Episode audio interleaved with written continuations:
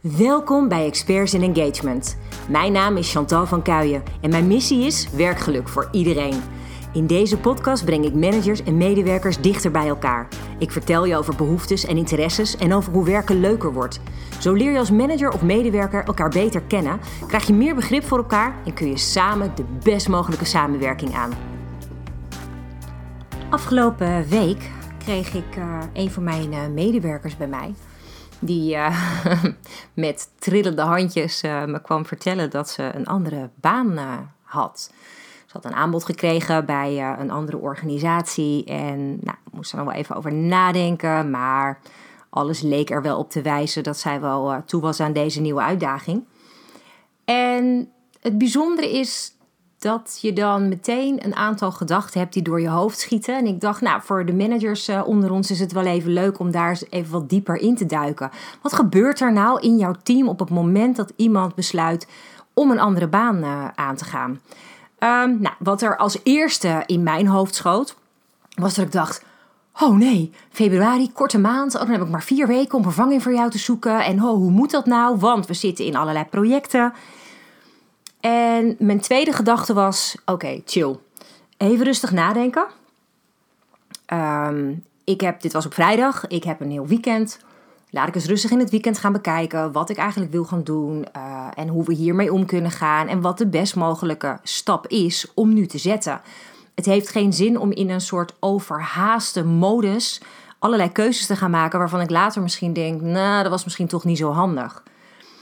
Dus, nou, ik uh, ben gewoon het weekend ingegaan en ik heb daar inderdaad eens een, het een en ander over gedacht. En ook bedacht van nou, wat ga ik doen? Ga ik inderdaad wel direct een vacature uitzetten voor eenzelfde type medewerker? Of is dit misschien wel een moment om iets heel anders te doen? Uh, dus voor mij kwam het er meer op neer dat ik dus afgelopen weekend vooral heb gebruikt om te bedenken waar wil ik nu precies naartoe? We zitten al in een, een soort van transitie met onze organisatie. We hebben uh, onze dienstverlening een tikje, um, ja, hoe moet zeggen, uitgebreid vanuit het employer branding deel. Wij deden al heel veel employer branding. Hè. Daar zijn we de employer brander, daar zijn we voor opgestart. Uh, dat is de basis. En we hadden al heel erg bedacht dat uh, het heel erg zonde is. Dat als jij bijvoorbeeld een, een um, sterk employer brand ontwikkelt met een organisatie en je ontwikkelt daar allerlei hele mooie arbeidsmarktcommunicatie op met de meest aantrekkelijke vacatureteksten, mooie werken bij site en uh, flashy campagnes, dat het dan toch ongelooflijk zonde is dat als mensen daarna bij jou komen werken, dat ze toch na drie tot zes maanden heel erg teleurgesteld blijken, omdat de werkelijkheid in de organisatie toch niet helemaal was wat ze ervan gehoopt hadden puur omdat er intern toch niet alles zo ontzettend lekker geregeld is als wat ze vooraf hadden gedacht. Dat was voor mij een reden dat ik dacht: oké, ik wil meer aandacht hebben voor employee engagement. Om te zorgen dat als een medewerker eenmaal binnen is, je als organisatie ook op dat moment nog je uiterste best doet, net als bij de werving, om de beste indruk te maken. Dus dat je ook zorgt dat al je managers op een hele motiverende, betrokken, betrokken manier leiding geven. En dat zij uh, zorgen dat hun medewerkers zo goed mogelijk in hun vel zitten. Dus nou, daar waren we eigenlijk al heel erg mee bezig. Afgelopen jaar heel veel uh, gave dingen voor opgezet, pilots gedraaid. En we staan nu op het grote punt om dat ook echt in de markt te zetten. En ik merkte al aan mezelf dat we daarin wat veranderingen aan het maken waren in de dienstverlening van ons bedrijf. En dan is het best wel apart als er dan ineens zo'n opzegging komt en je denkt er wat langer over na. En je beseft dat die opzegging eigenlijk precies in het plaatje past. Dus daar wil ik je uh, even in meenemen vandaag. Dat een opzegging echt niet hoeft te betekenen dat je dan één op één een of andere oude vacature of een functieprofiel uit een la trekt. En je denkt: oké, plaats hem op Indeed en here we go, uh, nieuwe medewerker.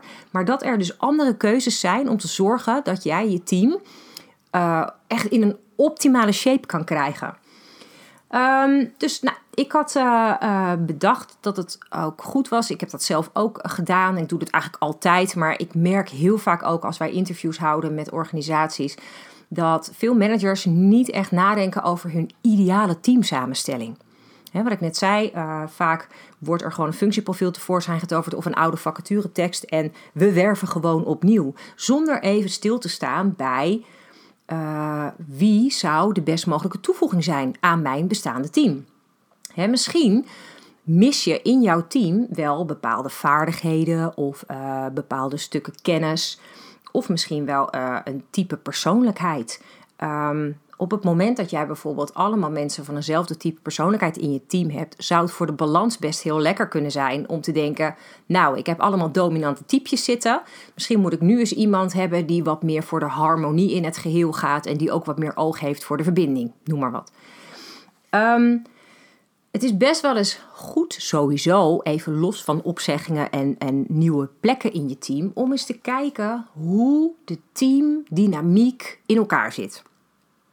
Misschien heb je wel eens gehoord van de DISC-analyse. De DISC-analyse die helpt jou om inzicht te krijgen in wat jij aan verschillende persoonlijkheden in jouw team hebt zitten. En het mooie daaraan vind ik vooral dat je dus kunt zien of mensen elkaar aanvullen. Nou, DISC is een afkorting. Uh, de, alle vier de letters ehm, staan ergens voor. Dus de D staat voor dominant. En die gaat er vooral over uh, hoe iemand omgaat met problemen en uitdagingen. Dus hoe uit iemand dat um, in zijn werk en in zijn gedrag op de werkvloer. De I staat voor hoe beïnvloedt en overtuigt iemand anderen. Dat is ook een hele belangrijke, de invloed. En de S die gaat heel erg over hoe reageert iemand op veranderingen uh, en op tempowisselingen. Dus dat is ook wel een, een hele interessante om mee te nemen. Um, en dan heb je de, de C. Uh, de S staat trouwens meer voor stabiel en dienstbaar. De C van DISC staat voor conformerend en precies. Hè. Hoe gaat iemand om met regels of procedures? En dan hebben we um, uiteindelijk het woord DISC bij elkaar. Nou, wat uh, interessant is daaraan, is dat, dat de meesten hebben het wel eens gezien. Je ziet um, een plaatje voor je met vier verschillende kleuren: blauw, rood, groen en geel. En elke kleur staat voor één bepaald onderdeel, wat bij jou als mens dan op dat moment wat um, ja, sterker aanwezig is. Laat ik het zo even noemen. Dus iemand die uh, bijvoorbeeld een blauwe kleur heeft, is over het algemeen, hè, die valt onder de, de, de C-gedragsstijlen, stijlen, die is analytisch, heel nauwkeurig, wat meer formeel, uh, denkt vooral heel logisch. En um, Iemand die bijvoorbeeld uh, rood is, heel direct en wat iets meer dominant, dat is iemand die behoorlijk doelgericht is, kan behoorlijk competitief zijn, heel gedreven, uh, assertief over het algemeen, zeer doortastend. Um, en als je dan kijkt naar een, een, een groen persoon bijvoorbeeld, meer stabiel en dienstbare persoon, die gaan ook vaak wat meer voor de harmonie. Die zijn wat geduldig, begripvol, luisteren goed naar de ander. Uh, is vaak wat bezorgend, wat meer bescheiden en verzorgend voor, uh, voor de collega's om me heen. Um, dat is vaak degene, een soort van lijm in je team, die ook echt kan zorgen dat, nou ja, iedereen, um, dat er op iedereen gepast wordt. Vaak ook degene die zorgt bijvoorbeeld voor uh, de cadeautjes met de verjaardagen. En dan heb je natuurlijk ook nog de gele persoon. Uh, meer van uh, het inspirerende en uh, de invloed. En dat is over het algemeen wat meer energiek type. Een beetje spontane acties, heel optimistisch, expressief. Vooral heel enthousiast over het algemeen.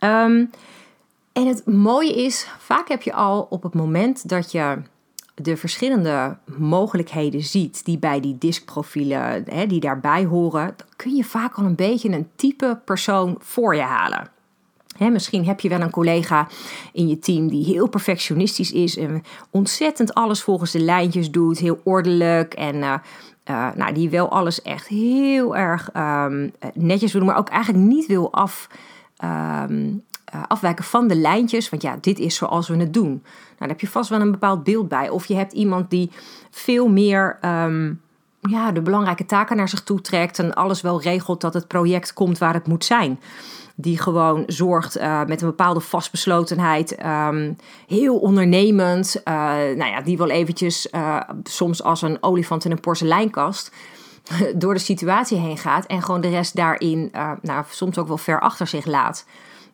Daar heb je vast wel een beeld bij. is iemand meer een aanvoerder, dus meer een rood type, of is iemand meer de ondersteuner, de groene?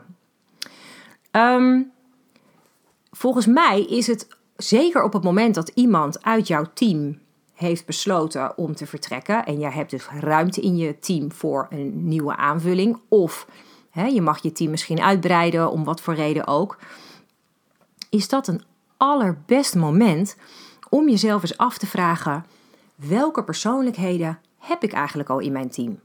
Heb ik bijvoorbeeld uh, hele blauwe mensen al en heb ik heel veel uh, groen, ook best wel lekker wat gele types. Hè? We zijn met z'n allen lekker bezig, maar we hebben nog niet die kartrekker die ons allemaal even een schop onder onze kont geeft om vooruit te gaan. Nou, dan weet je dat je dus in je vacature eigenlijk op zoek moet naar iemand met meer dat rode profiel. Hè? Die doelgerichte persoon. Um, dus ik vind het ongelooflijk waardevol. En ik wil dat eigenlijk altijd aan managers meegeven. Dat op het moment dat jij bezig bent met je vacature tekst, omdat je dus een nieuwe medewerker wil werven, ga dan eens gewoon super kritisch na hoe jij wil dat die persoon idealiter is. Wie dat is. En wat komt die persoon jou brengen? Um, en dat is natuurlijk niet alleen maar uh, qua persoonlijkheden. Er zijn natuurlijk een heleboel zaken waar jij naar wil kijken op het moment dat jij een nieuwe medewerker aanneemt. Dan kan je bijvoorbeeld ook kijken naar: ik heb allemaal hele jonge mensen in mijn team. Misschien wil ik nu wel iemand met wat meer ervaring. Of andersom, je hebt misschien wel hele ervaren mensen. Misschien is dit wel een mooi moment om eens een frisse jonge hond erbij te halen die een hele nieuwe blik op de zaak geeft. En zo kan er van alles zijn. Weet je, diversiteit en inclusiviteit, um, het zijn veel gehoorde termen. Um, maar wat mij echt ongelooflijk vaak opvalt, is dat het heel vaak holle termen zijn. Heel erg veel bedrijven roepen dat ze o zoveel bezig zijn met diversiteit en inclusiviteit. Maar op het moment dat er een vacature komt en je vraagt aan de manager: joh, met wat voor type persoon Wordt jouw team het beste aangevuld? Hebben ze werkelijk geen flauw idee.